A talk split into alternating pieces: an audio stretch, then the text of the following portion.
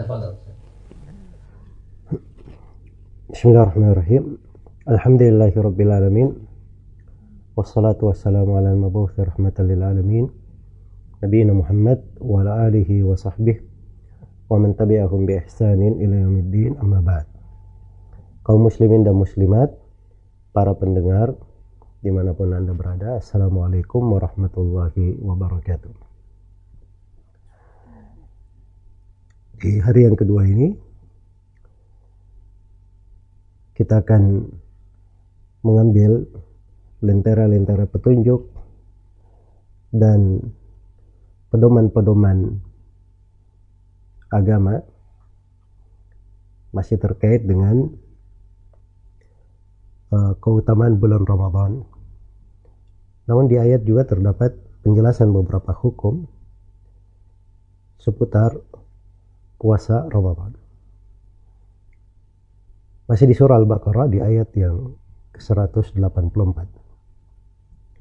Itu firman Allah Subhanahu wa taala, "A'udzu billahi minasyaitonir rajim. Ayyaman ma'dudat. Faman kana minkum maridan aw ala safar fa iddatum min ayyamin ukhra. 'alal ladzina yutiqunahu fidyatun ta'amu miskin." فمن تطوع خيرا فهو خير له وأن تصوموا خير لكم إن كنتم تعلمون dikatakan di ayat ayaman ma'dudat hari-hari yang terbilang jadi setelah disinggung di ayat sebelumnya ya ayuhalladzina amanu kutiba alaikumus siyamu kama kutiba alal ladzina min qablikum Wahai orang-orang yang beriman telah diwajibkan atas kalian berpuasa sebagaimana telah diwajibkan atas orang-orang sebelum kalian. Puasa itu apa? Ayaman ma'dudat. Hari-hari yang sedikit.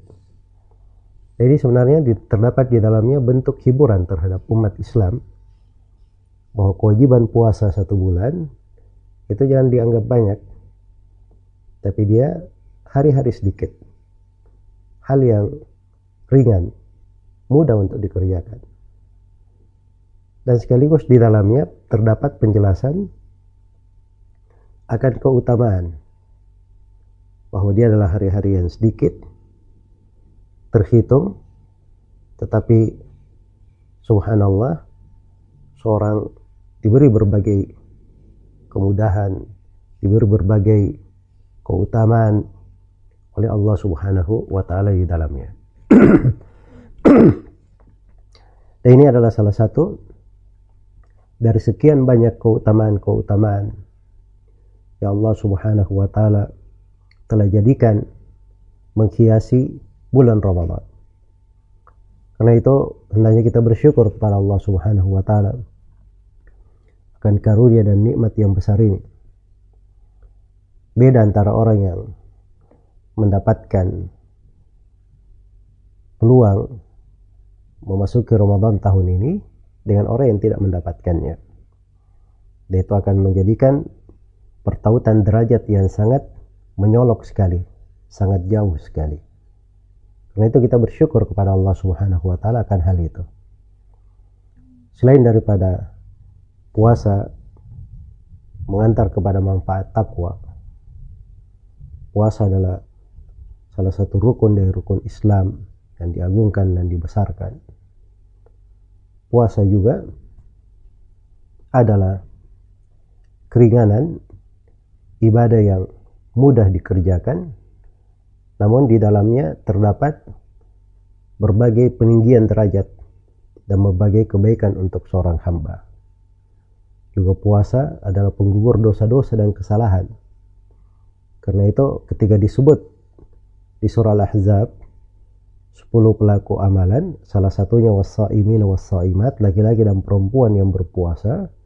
Di akhir ayat Allah berfirman, "A'addallahu lahum maghfiratan wa ajran 'azima." Allah siapkan untuk mereka pengampunan dan pahala yang sangat besar. Karena itu telah datang di dalam hadits riwayat Muslim bahwa Ramadan hingga Ramadan itu adalah penggugur dosa-dosa antara keduanya.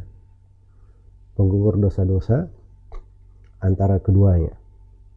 Sebagaimana puasa juga adalah hal yang dengannya melipat gandakan pahala. Karena memang puasa ini mengandung seluruh makna kesabaran. Sabar itu kata para ulama ada tiga. Sabar dalam menjalankan ketaatan, sabar dalam meninggalkan larangan, sabar dalam menerima ketentuan dan takdir Allah.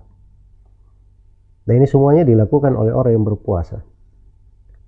Orang yang berpuasa dia sabar, menjalankan ketaatan, puasa ini dengan berbagai hukumnya, dia juga sabar meninggalkan dilarang tidak boleh makan tidak boleh minum bukan suami istri dia jauhi hal-hal yang haram dan dia juga terima ketentuan Allah. Ya memang orang puasa itu lemas. Banyak kehilangan tenaga. Dia harus menahan dari dahaga. Dan itu dia terima ketentuan dan takdir Allah subhanahu wa ta'ala. Karena itulah orang yang bersabar diberi pahala tidak ada batasannya. Allah Subhanahu wa taala berfirman, "Innama yuwaffas sabiruna ajrahum bighairi hisab." Sungguhnya orang-orang yang bersabar itu akan diberi pahala untuk mereka tidak ada batasannya. Dan di dalam hadis Abu Hurairah, riwayat Bukhari dan Muslim, Rasulullah sallallahu alaihi wasallam uh, bersabda, "Kullu amali ibni Adam yudha'af Al-hasanatu bi asyri amsalha ila sab'imi'ati dha'f. Kata beliau setiap anak setiap amalan anak Adam dilipat gandakan. Satu kebaikan itu menjadi 10 kali lipat sampai 700 kali lipat. Kalau Allah, Allah Ta'ala berfirman, illa saum, kecuali puasa. Jadi amalan ketaatan begitu kaidahnya, dilipat gandakan. 7 sampai 10 sampai 700 kali lipat. Iya. Sampai 700 kali lipat. Nah, itu diterangkan dalam Al-Quran. Manja abil hasanah falahu asyur amsalihah. Siapa yang datang dengan sebuah kebaikan, maka untuknya 10 yang semisal dengannya. Mathalul ladhina yunfikuna fi sabilillah kamathali habbatin ambatat sab'a sanabil fi kulli sumbulatin mi'atu habbah. Wallahu yudha'ifu liman yasha. Perumpamaan orang yang menginfakkan hartanya di jalan Allah itu bagaikan orang yang menanam satu benih melahirkan tujuh tangkai, menumbuhkan tujuh tangkai. Setiap tangkai ada seratus benih lagi yang muncul. Dapat tujuh ratus. Dan Allah lipat gandakan bagi siapa yang Allah kehendaki. Iya. Jadi kaidah seluruh amalan seperti itu. Tapi ada yang diperkecualikan. Allah berfirman, kecuali puasa. Fa'innahu li wa ana. Karena puasa itu khusus untukku dan aku sendiri yang akan memberi pahala baginya. Di puasa ini diberi pahala nggak ada batasannya. Iya. Nah ini kehususan juga bagi Allah. Karena umumnya orang-orang yang berpuasa itu lebih ikhlas. Karena puasa antara dia dengan Allah Subhanahu wa taala.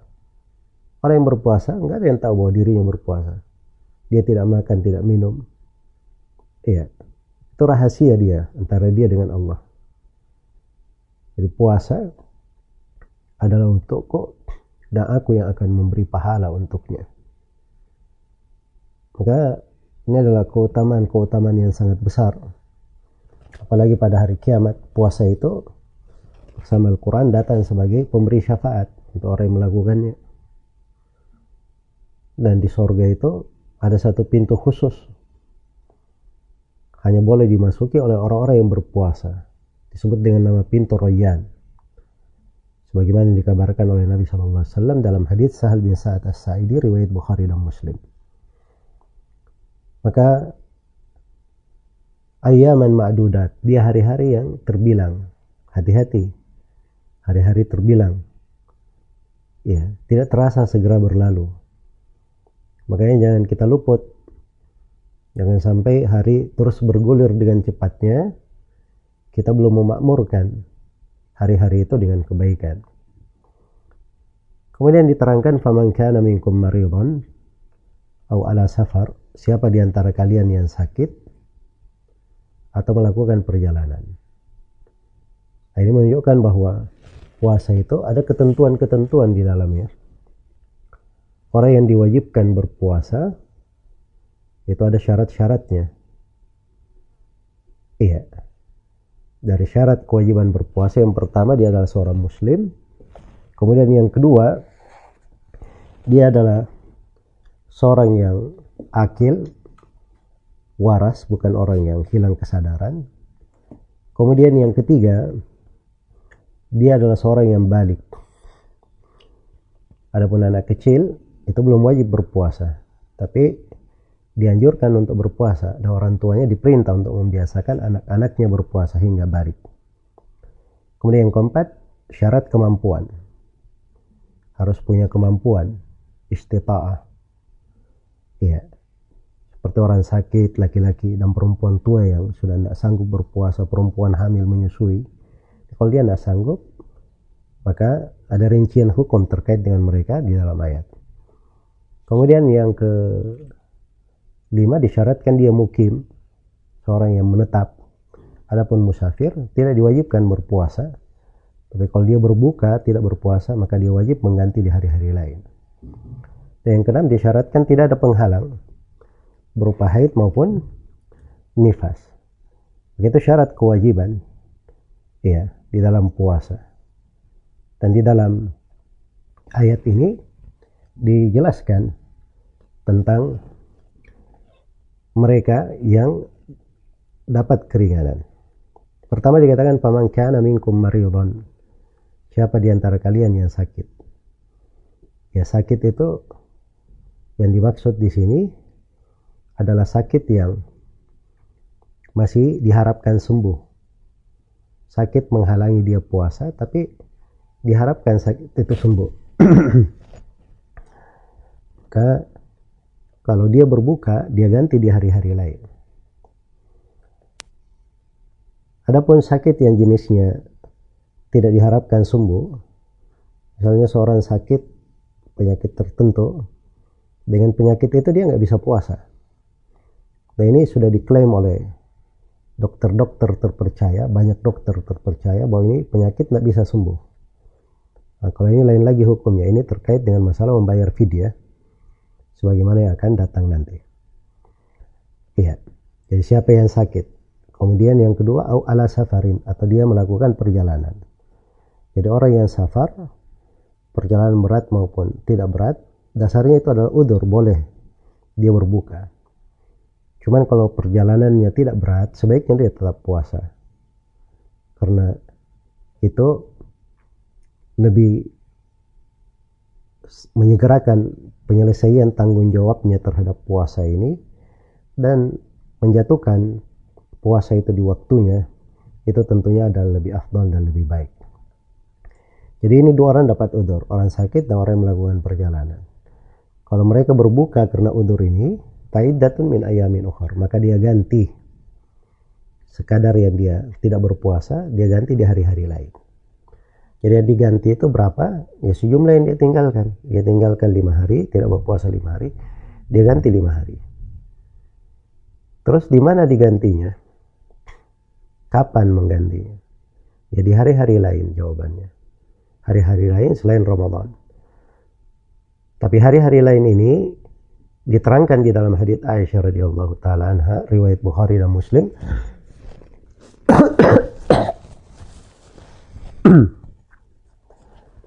bahwa hari-hari lain yang dimaksud itu adalah hari-hari hingga akhir Sya'ban sebelum masuk Ramadan. Karena Aisyah radhiyallahu taala anha beliau kadang mengakhirkan mengganti tunggakan puasanya di bulan Ramadan ya kecuali di Sya'ban. Di Sya'ban beliau segera untuk menyelesaikannya eh, menunjukkan bahwa tidak bisa diakhirkan melewati Syaban. Iya. Kemudian kata hari-hari lain menunjukkan bahwa di dalam menggantinya ada, ada keluasan. Boleh diganti sekaligus, misalnya dia tinggalkan lima hari, boleh diganti lima hari sekaligus. Ya, tapi boleh dia ganti berpisah-pisah harinya. Misalnya pekan ini satu hari, pekan depan satu hari, ya. Atau bulan ini satu hari, bulan depan satu hari, boleh saja. Tidak ada masalah. Dia ganti di hari-hari mana yang dia sanggup untuk hal itu. Tapi tidak diragukan kalau dia menggantinya sesegera mungkin, maka itu lebih baik. Ya apalagi kalau seorang yang dapat keutamaan puasa di bulan Syawal. Ya puasa di bulan Syawal itu itu dapat keutamaan besar. Sebagaimana dalam hadis riwayat Muslim, "Man shoma Ramadhana thumma atba'ahu sittan min Syawal kana kasiyamid jahar." Siapa yang berpuasa Ramadan, kemudian dia ikuti dengan puasa enam hari di bulan Syawal, maka dia seperti berpuasa satu tahun. Jadi satu bulan dengan puasa enam hari satu syawal dia dapat pahala seperti satu tahun. Ya karena kenapa enam hari menjadikan uh, seperti satu tahun?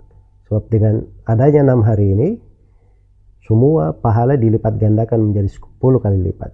Jadi Ramadan dikali 10, 10 bulan. 6 hari dikali 10 berarti 60 hari. 60 hari itu 2 bulan di satu tahun.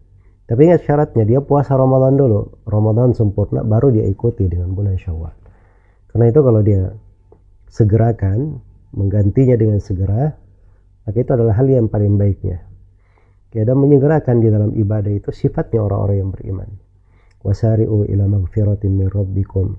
Bersegeralah kalian menuju kepada pengampunan dari Rabb kalian. Wasabiku ila magfiratin min rabbikum.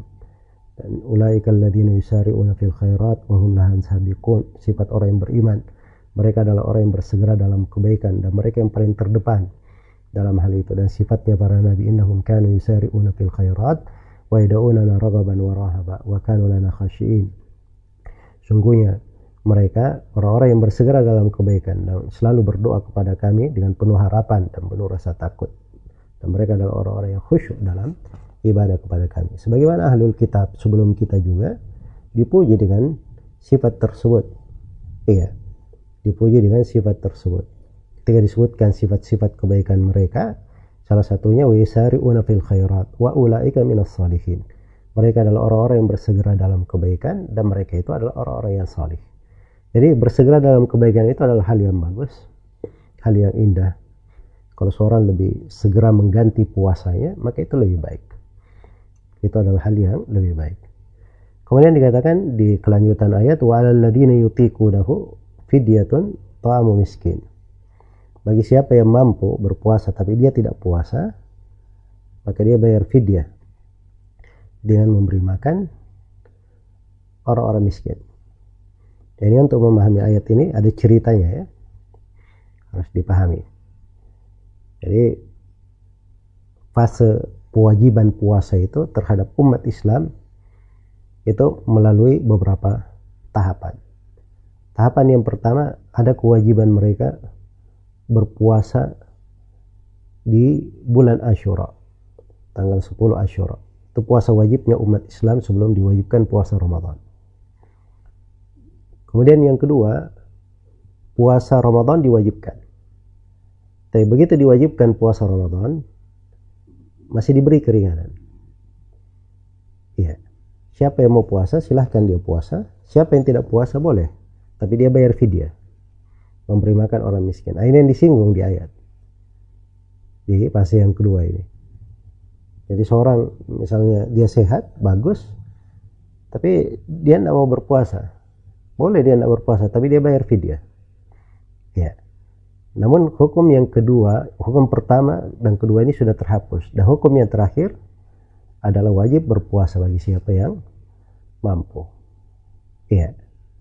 Karena itulah ayat ini itu sudah dikatakan oleh Ibnu, Ibnu Abbas terhapus hukumnya atau terkhususkan hukumnya. Ada sebagian hukum yang sudah terangkat ya dan mana untuk ayat menjadi sempit maka ini hukum membayar fidyah bagi orang yang berbuka tidak berpuasa ini hanya berlaku untuk beberapa orang saja. Yang pertama adalah orang yang sakit yang tidak diharapkan lagi sembuh.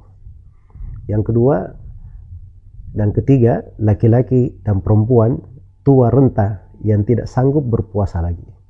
Kemudian yang keempat perempuan hamil dan yang kelima perempuan yang menyusui. Tapi perempuan hamil dan menyusui ini disyaratkan keduanya khawatir akan bayi yang dia susui atau bayi dia kandung atau khawatir akan membahayakan mereka. Iya. Maka ini yang diberi uh, ketentuan untuk membayar fidyah. Hukum ini tetap bagi lima golongan ini. Mereka lah yang membayar fidyah. Adapun seperti orang sakit, perjalanan, kalau dia berbuka karena udur, maka dia tidak membayar fidyah, tapi dia kodok, dia ganti dengan berpuasa. Adapun yang membayar fidyah, ini hukum khusus untuk lima golongan yang saya sebutkan tadi. Dia membayar fidyah, bentuknya apa? To'am. Memberi makan. Iya, apakah dia beri makanan mentah atau makanan jadi? Itu tidak ada masalah. Iya. Dan makanan yang diberikan itu ukurannya setengah sok. Setengah sok itu dua kali telapak tangan. Dua kali telapak tangan orang biasa. Ya, berikan hal tersebut sebagai makanan. Jadi dikeluarkan dalam bentuk makanan, tidak boleh diuangkan. Di sini bahasanya makanan. Ya, karena uang dan makanan itu berbeda ya. Dan syariat itu memiliki maksud-maksud agung di dalam pensyariatan. Kadang kita lihat simpel ya orang bawa makanan itu kelihatan orang membagi video. Tapi kalau memberi uang, kadang itu tidak jelas orang memberi uang itu untuk apa. Iya. Dan dia adalah simbol syiar ya tidak begitu tampak baik kepada siapa diberi makanan ini dikatakan miskin kepada orang yang miskin jadi syaratkan dia miskin jadi harus dipastikan dia adalah orang yang kekurangan ya miskin itu batasannya dia tidak memiliki keperluan hariannya atau keperluan hidupnya. Ya jadi misalnya ada seorang nah ini miskin ukurannya beda-beda ya. Ada si A misalnya sendiri dia masih bujang ya mungkin dia keperluan bulanannya satu juta. Tapi ada si B dia sudah berkeluarga banyak anaknya. Mungkin keperluan bulanannya dia perlu 5 juta. Iya. Jadi jangan dikatakan bahwa si B ini oh penghasilannya 4 juta dia tidak miskin lagi misalnya. Itu belum cukup bagi dia sebab keperluan dia 5 juta dalam sebulan. Itu masih dihitung miskin. Walaupun dia berpenghasilan tapi karena belum cukup itu masih dihitung miskin. Maka orang miskin boleh diberi dari fidyah diberi makan. Ya dan fidyah yang dikeluarkan itu uh, adalah memberi makan pada setiap miskin untuk setiap hari yang dia tinggalkan Ya kalau misalnya dia meninggalkan puasa lima hari, maka dia beri makan lima orang miskin. Dia beri makan lima orang miskin. Tapi perlu diketahui bahwa vidya ini adalah suatu syariat apabila dia meninggalkan puasa. Maka kalau sudah terjadi dia meninggalkan puasa, baru dia membayar vidya. Ya jangan seperti sebagian dari masyarakat kita, ada sebagian ibu hamil, oh saya bulan ini kayaknya saya nggak bisa puasa ini satu bulan penuh. Ya, dari kemarin dia sudah bayar fidyah. Padahal dia belum meninggalkan puasa. Ah, ini tidak syah membayar fidyah itu dihitung sedekah namanya. Nanti kalau selesai Ramadan baru dia bayar fidyah 30 hari sekaligus. Tapi kalau hari ini dia mau bayar yang kemarin boleh saja. Kemarin dia sudah tinggalkan diberi makan satu orang aja atau dua orang untuk hari ini tidak ada masalah ya adapun yang dia bayar sekaligus 30 hari padahal dia belum meninggalkan puasa itu tidak syah sebagai fidyah Kemudian di akhir ayat diberikan suatu kaidah agung yang hendaknya kita pegang di dalam kehidupan ini menjadikan makna-makna Ramadan kita lebih bersinar. Faman tatawwa khairan fahuwa khairul lah. Barang siapa yang berbuat kebaikan maka itu adalah yang terbaik untuk dia. Siapa yang punya tambahan ya di dalam kebaikan. Tambahan berbuat baik suatu kebaikan fahuwa khairul lah. Maka itu adalah hal yang terbaik dengannya tatawu itu. Itu adalah seseorang yang berbuat sebuah perkara tambahan. Kadang-kadang digunakan tatawu untuk bermana perbuatan kebaikan. Iya. Jadi kalau dia melakukan suatu perbuatan kebaikan maka itu adalah khairul lah.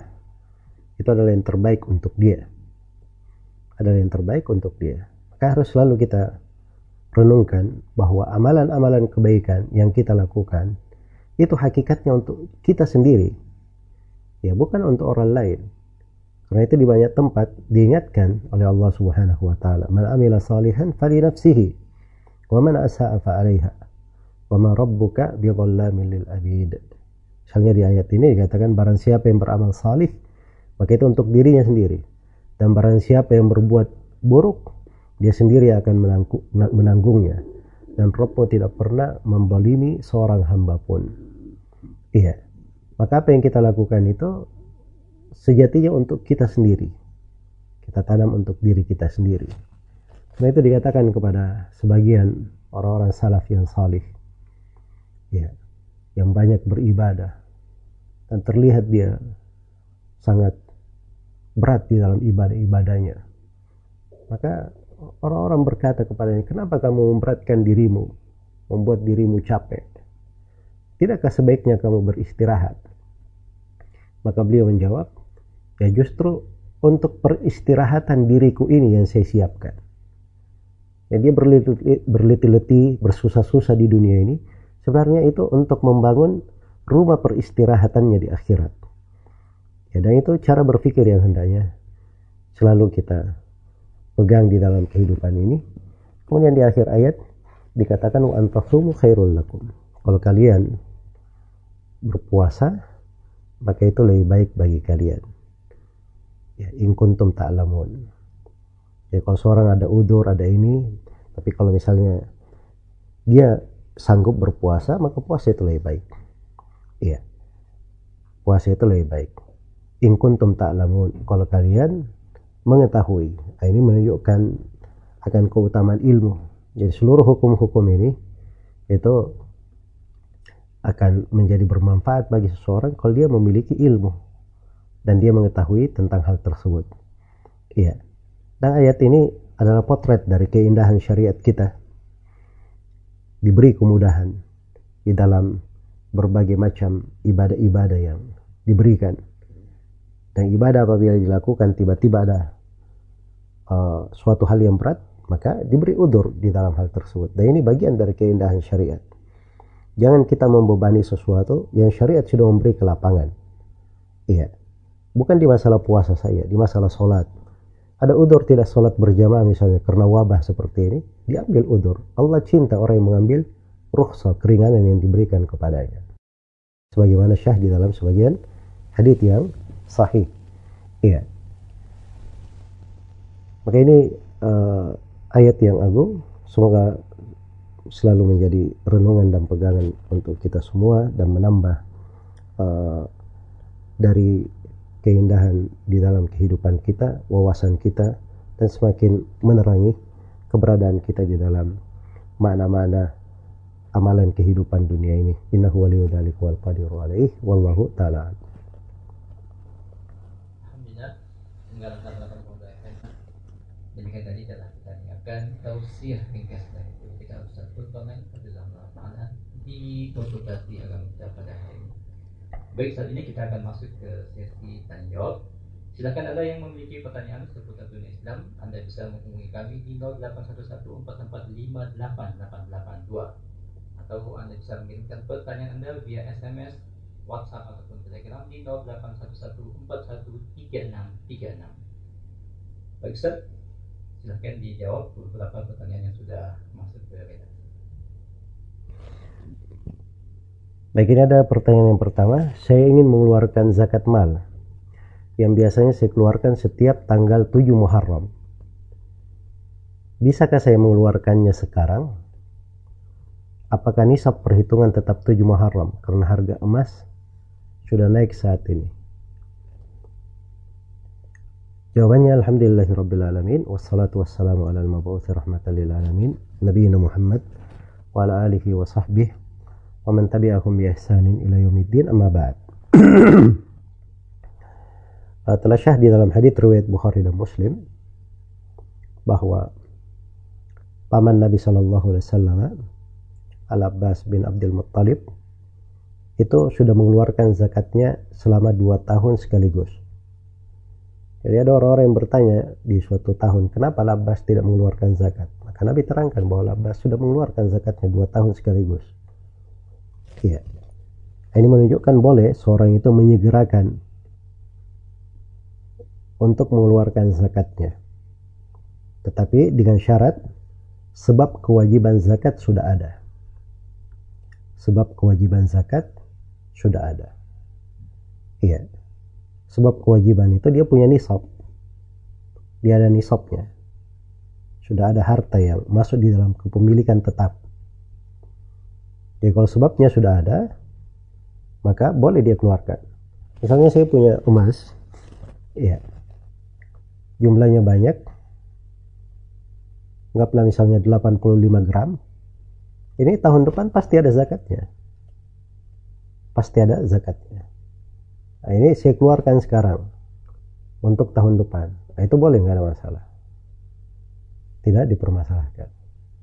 Demikian pula dengan barang-barang seorang punya toko, ya, dia punya perniagaan, ya ini perniagaannya tahun depan pasti ada zakatnya.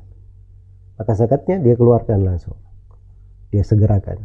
Nah, itu diperbolehkan. Jadi kalau pertanyaan penanya di sini walaupun tanggal 7 Muharram sebenarnya jatuh haulnya terhitung satu tahunnya, tapi kalau sudah dia sudah punya sebab zakat, nisab dia pegang, ya maka dia ingin keluarkan di Ramadan seperti sekarang ini karena memang di bulan Ramadan yaitu bulan lebih bersinar dengan bersedekah mengeluarkan zakat.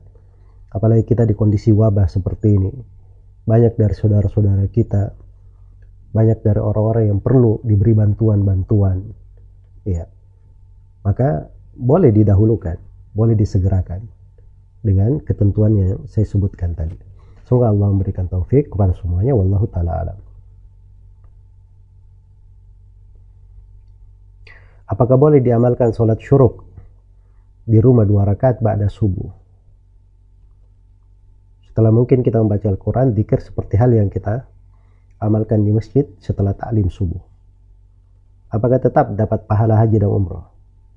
Jawabannya kalau dia punya kebiasaan seperti itu di masjid, atau dia ingin ke masjid tetapi sekarang nggak bisa karena memang ada halangan seperti ini, dia lakukan di rumahnya, maka saya harapkan insya Allah itu mendapatkan keutamaan dari apa yang disebut di fadilah salat syuruk tersebut. Semoga Allah memberi taufik kepada semuanya.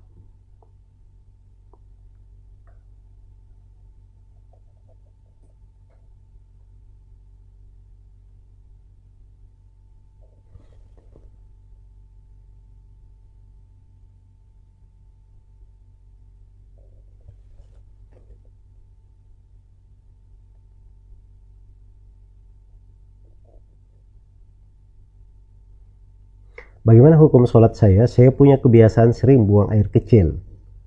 Dan terkadang saya menahan di dalam sholat.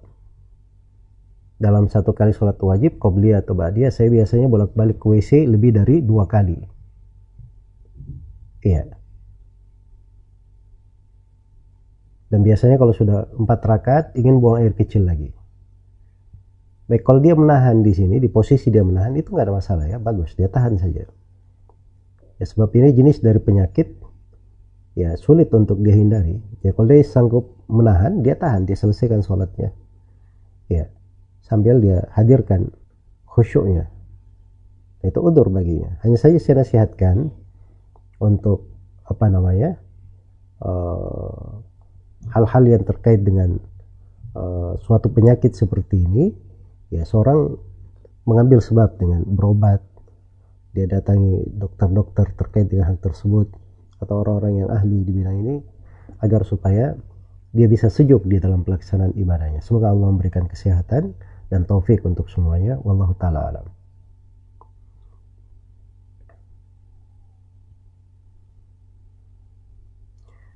Apakah boleh tidur pagi jam 7 atau jam 8 karena mengantuk sekali? Terbangun jam 2 dan sampai jam 7 rata-rata ngantuk tertidur mau baca Al-Quran tetapi keadaan dalam ngantuk. Ya memang sekarang di bulan Ramadan ini di malam hari itu punya keutamaan-keutamaan besar. Jadi memakmurkan malam itu adalah suatu hal yang dianjurkan di dalam syariat dan memiliki maksud-maksud agung dan besar. Karena itu itu adalah hal yang baik. Ya dan dia tentunya perlu tidur. Maka tidurnya kalau seperti yang disebut oleh penanya tidur jam 7 jam 8 itu sudah bagus ya karena itu bukan waktu setelah sholat subuh. Adapun waktu setelah sholat subuh sampai matahari terbit kita jaga. Jangan tertidur di situ sebab itu adalah waktu keberkahan. Waktu yang sangat utama yang dijaga. Ya jadi kalau dia ingin tidur nanti setelah matahari terbit dia sudah apalagi kalau dia sudah sholat syuruk misalnya sholat tuha ya kemudian dia uh, tertidur sesuai dengan apa yang diperlukan maka itu tidak ada masalah insyaallah taala semoga Allah memberi taufik kepada semuanya. Pak Konsep ada penelpon yang masuk? Baik silakan. Assalamualaikum.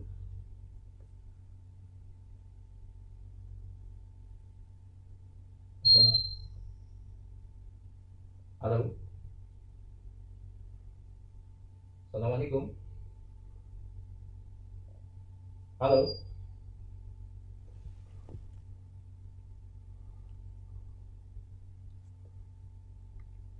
Baik, mungkin terputus kan?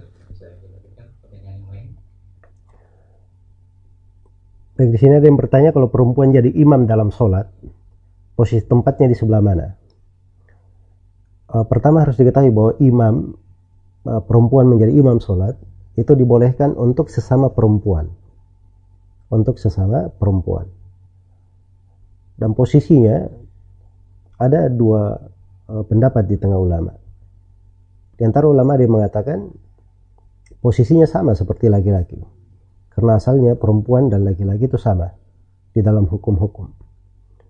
Dan pendapat yang kedua mengatakan bahwa keberadaan perempuan itu sebagai imam sholat dia berada di tengah-tengah soft perempuan jadi sop pertama itu para perempuan, imamnya berada di tengah di situ. Itu yang datang dari Aisyah radhiyallahu taala anha. Iya. Yang kedua ini yang lebih populer lebih banyak. Cuman kalau dia mengerjakan yang pertama, saya tidak bisa mengatakan bahwa itu tidak syah. Insya Allah dua-duanya diperbolehkan.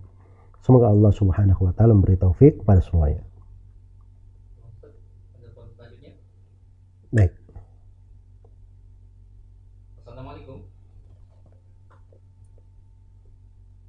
Ya, dengan siapa di mana? Baik, dengan Bapak Syahrul di Maros. Silahkan pertanyaannya yang singkat dan jelas.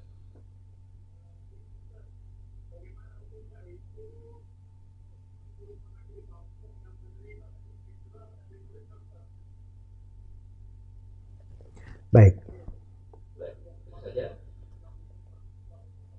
Waalaikumsalam warahmatullahi wabarakatuh. Jadi eh, kebiasaan di kampung misalnya kalau ada eh, kita punya anak dimasukkan belajar ngaji ke seorang guru, biasanya zakat fitrah untuk anak ini itu diberikan ke gurunya. Ya dilihat saya zakat fitrah itu itu diperuntukannya untuk orang fakir dan miskin. Kalau si guru masuk di dalam kategori fakir dan miskin, tidak ada masalah diberi dari zakat fitri tidak diberi tidak ada masalah diberi dari zakat fitri semoga Allah memberi taufik kepada semuanya wallahu taala alam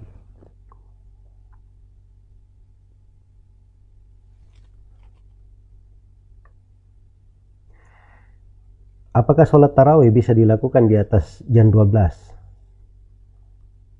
Bisakah sholat tarawih dikerjakan sendiri bagi perempuan? Walaupun ada saudara laki-laki yang berjamaah dengan keluarga lain.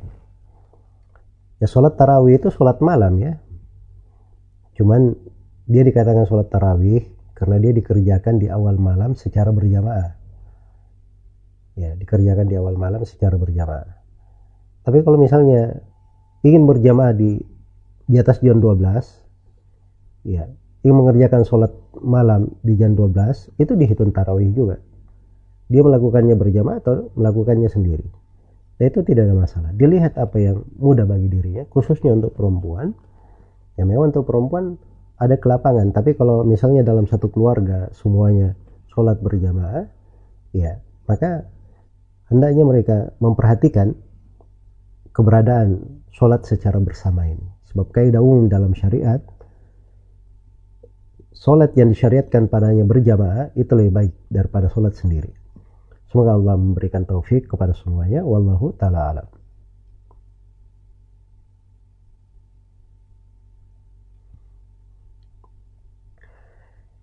Baik ini ada yang bertanya, Alhamdulillah saya dimudahkan oleh Allah untuk begadang di malam hari dalam bulan Ramadan ini.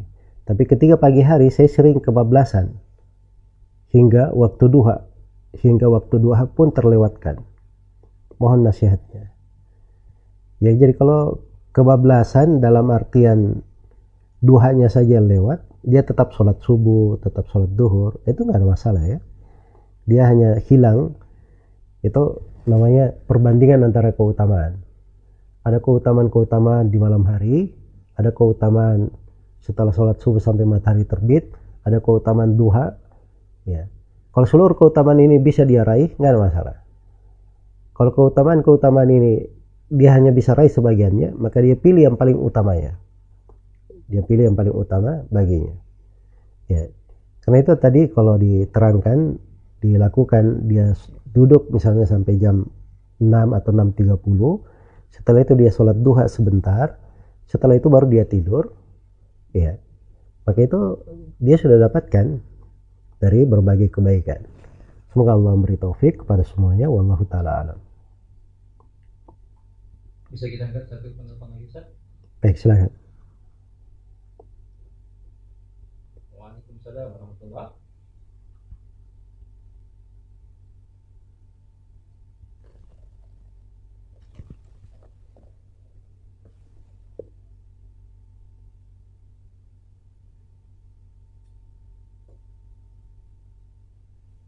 Waalaikumsalam warahmatullahi wabarakatuh. saya nggak dengar pertanyaannya Pertanyaannya apakah kalau sholat tarawih juga harus dilakukan azan dan iqamat? Nah, sholat tarawih tidak ada adan dan komat. Adan dan komat itu untuk sholat wajib saja. Untuk sholat lima waktu. Iya. Itu berlaku untuk seluruh sholat sunnah. Tidak ada adan dan komatnya menurut pendapat mayoritas ulama. Semoga Allah memberi taufik kepada semuanya. Wallahu ta'ala alam. Baik, di sini ada yang bertanya apa maksud setan dibelenggu pada bulan Ramadan? Apakah berarti tiap bisikan was-was yang menakutkan uh, dan seterusnya di di dalam hadits riwayat Bukhari dan Muslim Rasulullah SAW mengabarkan dari keutamaan Ramadan uh, futihat abwabul jannah wa ghulliqat abwabun niran wa suffidatis syayatin dibuka pintu-pintu rahmat di sebagian riwayat pintu-pintu surga ditutup pintu-pintu neraka dan dibelenggu para syaitan. Dibelenggu para syaitan. Ya para syaitan ini dibelenggu di antara ulama mengatakan semua syaitan dibelenggu. Dan di antara ulama ada yang mengatakan yang dibelenggu adalah syaitan-syaitan durjananya yang paling menyesatkannya dan itu datang dalam sebagian riwayat An-Nasai. Wasuffidat maradatus syayatin. Dan dibelenggu syaitan-syaitan yang durjananya. Iya. Baik, sekarang muncul pertanyaan. Kalau syaitannya sudah dibelenggu, kenapa masih ada orang yang jatuh di dalam dosa? Ya. Baik, itu jawaban pertama tadi ya, bahwa syaitan dibelenggu durjananya. Berarti masih ada syaitan-syaitan kecil yang lepas. Dibangun di atas uh, pemaparan itu. Dan jawaban yang kedua dikatakan bahwa ajakan untuk berbuat dosa dan maksiat itu datang dari dua arah. Datang dari syaitan dan datang dari dirinya sendiri. Karena itu diri ini kadang dia mengajak. Nah, itu dalam Al-Quran dikatakan inna nafsala ammaratun bisu illa ma rahimah rabbi. Sungguhnya jiwa itu gemar memerintah dalam ke, dalam kejelekan kecuali siapa yang dirahmati oleh Rabbku. Karena itu Nabi SAW berlindung dari hal itu dan kita diajari untuk berlindung. Wa na'udzubillahi min syururi anfusina dan kami berlindung kepada Allah dari keburukan jiwa-jiwa kami. Iya. Jadi kalau setannya dibelenggu tapi dirinya sendiri dia taati panggilan syahwatnya, panggilan nafsunya, memang dirinya buruk. Ya, gemar dengan dosa. Apalagi dia sudah terbiasa dengan dosa dan maksiat. Maka ini harus dia rubah di bulan Ramadan yang seperti ini. Dia harus berijtihad, banyak membaca Al-Quran, banyak berdikir supaya jiwanya itu terdidik bersih. Dia mensucikan dirinya sehingga gemar mengajak kepada ketaatan. Maka ini makna salah satu hal yang sangat penting di bulan Ramadan ini yang hendaknya kita benahi. Semoga Allah Subhanahu wa taala memberi taufik kepada semuanya.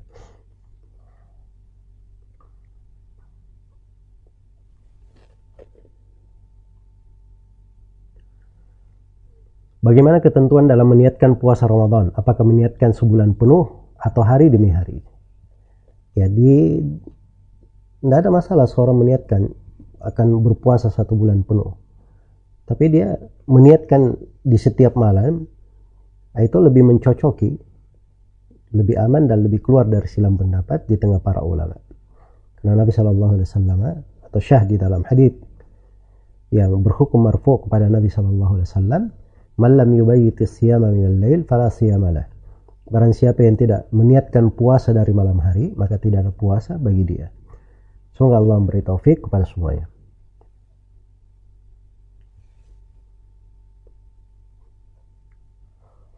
Jika saya menjadi imam untuk ibu, untuk ibu dan adik perempuan saya, setelah selesai sholat saya berdikir mengarah ke mana?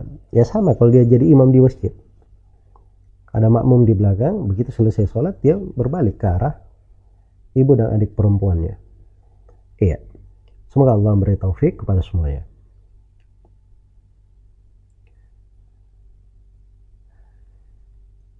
Doa apa yang saya baca untuk memperlama duduk antara dua sujud ketika sholat malam?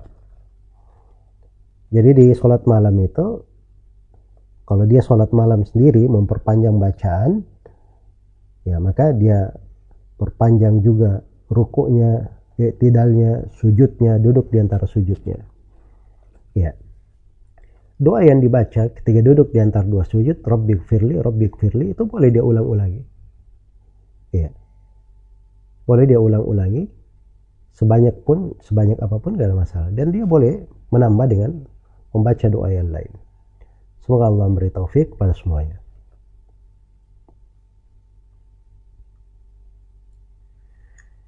Jika sedang menghafal lalu menemukan ayat sajadah, apakah tetap harus sujud tilawah? Sujud tilawah itu hukumnya sunnah. sujud tilawah itu hukumnya sunnah. Jadi kalau dikatakan apakah harus, jawabannya tidak harus karena memang hukumnya sunnah. Tapi kalau disunnahkan pada saat menghafal pun bagus kalau lewat sujud tilawah tetap dia sujud. Ya, tapi kalau misalnya ayatnya dia ulang-ulangi memang sedang proses menghafal, ya maka ini nanti dia sujud sekali saja begitu selesai atau di awal dia sujud maka tidak ada masalah insyaallah taala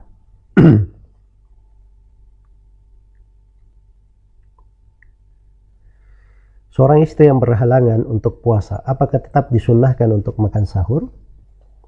Nah, kalau dia berhalangan untuk berpuasa, ya maka dia ada keluasannya ke lapangan. Tapi kalau ingin makan bersahur bersama, maka itu lebih baik Pertama dari sudut pendidikan terhadap jiwa, ya bersyirikat bersama orang-orang puasa.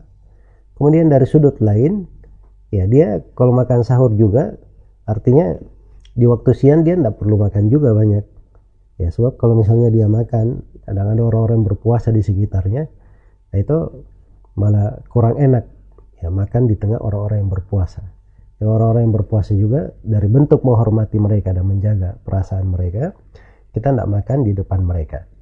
Ya atau menyembunyikan makan di depan mereka. Tapi secara umum ya perempuan ada kemestian ya untuk hal tersebut. Namanya berhalangan tiap puasa dia boleh makan di mana saja. Semoga Allah memberi taufik kepada semuanya.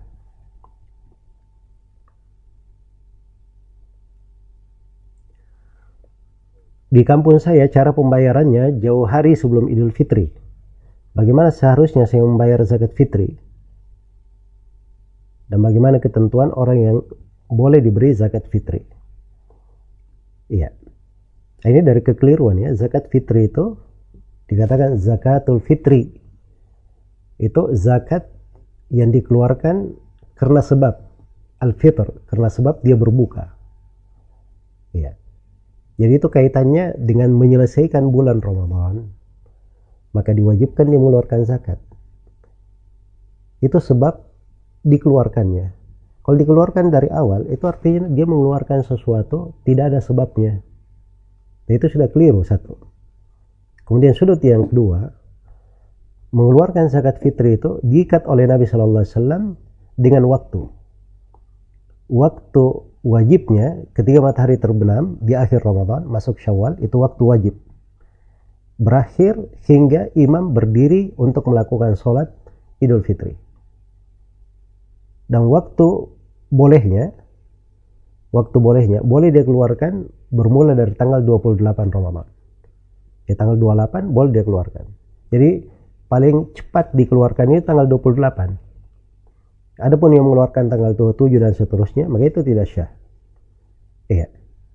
Dan tadi saya bercerita tentang mensegera, menyegerakan zakat itu terkait dengan zakat harta, tidak ada kaitannya dengan zakat fitri. Tidak ada kaitannya dengan zakat fitri. Maka ini dari hal yang hendaknya diperbaiki ya.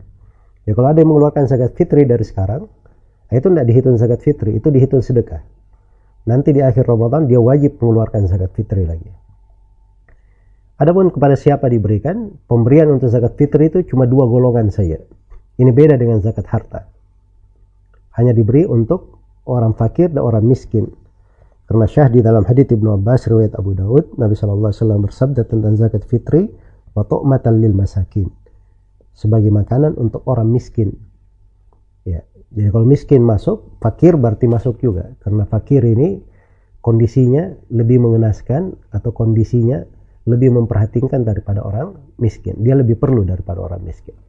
Semoga Allah memberi taufik kepada semuanya. Baik, saya baca dua pertanyaan terakhir.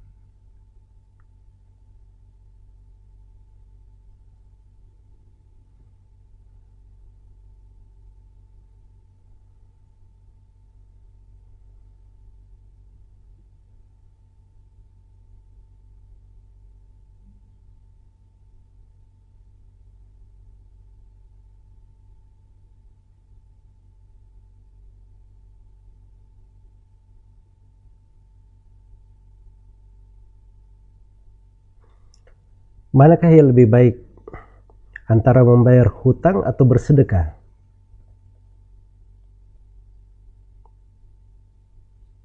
Baik ini e, pertanyaan antara membayar hutang dan bersedekah mana yang lebih baik? Hutang itu itu asal yang hendaknya kita segerakan. Karena gitu tanggung jawab di atas pundak kita untuk kita selesaikan dengan makhluk Allah yang lainnya. Nah itu kalau kita tidak selesaikan di dunia, kita akan menyelesaikannya di akhirat. Hanya saja jenis hutang itu ada yang sifatnya segera untuk diselesaikan. Misalnya sudah jatuh tempo, sudah jatuh tempo hutang, di sini dia dihadapkan pada posisi dia bayar hutang atau dia bersedekah. Maka di sini posisinya dia bayar hutang itu lebih didahulukan sudah jatuh temponya. Tapi kalau dia di kondisi berhutang masih ada tempo, masih ada waktu, oh ini sekarang bulan Ramadan. Ya kalau bulan Ramadan ini sudah berlalu saya tidak mungkin lagi bisa bersedekah di bulan lain. Ya sedangkan hutang saya masih bisa saya bayar di waktu lain. Nah, ini nggak ada masalah. Dia mungkin membayar bersedekah mungkin ada sudut lebih utama dari arah tersebut. Semoga Allah subhanahu wa ta'ala memberi taufik kepada semuanya. Wallahu ta'ala alam.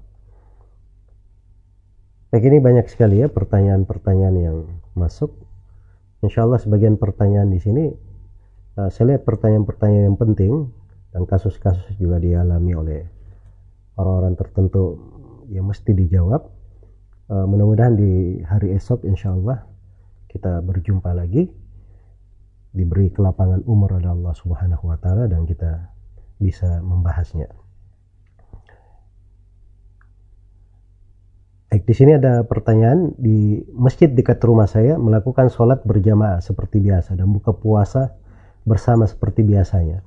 Hidangan buka puasa digilir dari warga kampung termasuk saya. Bagaimana hukumnya seperti ini?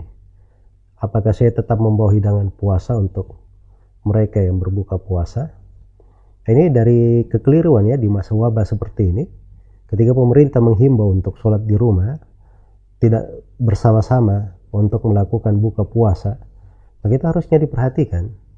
Iya. Maksudnya diperhatikan. Karena perintah pemerintah di situ dalam hal yang ma'ruf.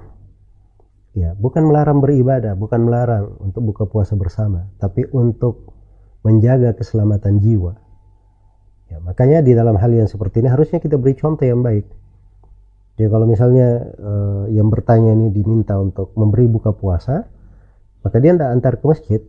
Buka puasa itu dia bagi, kemudian diantar ke rumah orang-orang yang berpuasa, diantarkan ke rumahnya masing-masing. Agar orang-orang itu berbuka di rumahnya. Maka itu mungkin yang bisa dia lakukan agar supaya ada keselarasan antara apa yang dilakukan dari program dan kegiatan ini. Semoga Allah Subhanahu wa taala memberi taufik kepada semuanya wallahu taala. Baik, amin ya rabbal alamin. Demikian tadi terdengar 88 FM Radio Nasihat Sakinah dengan Sunnah. Kita ikuti rangkaian program interaktif konsultasi agama spesial Ramadan kita pada hari ini di edisi hari Sabtu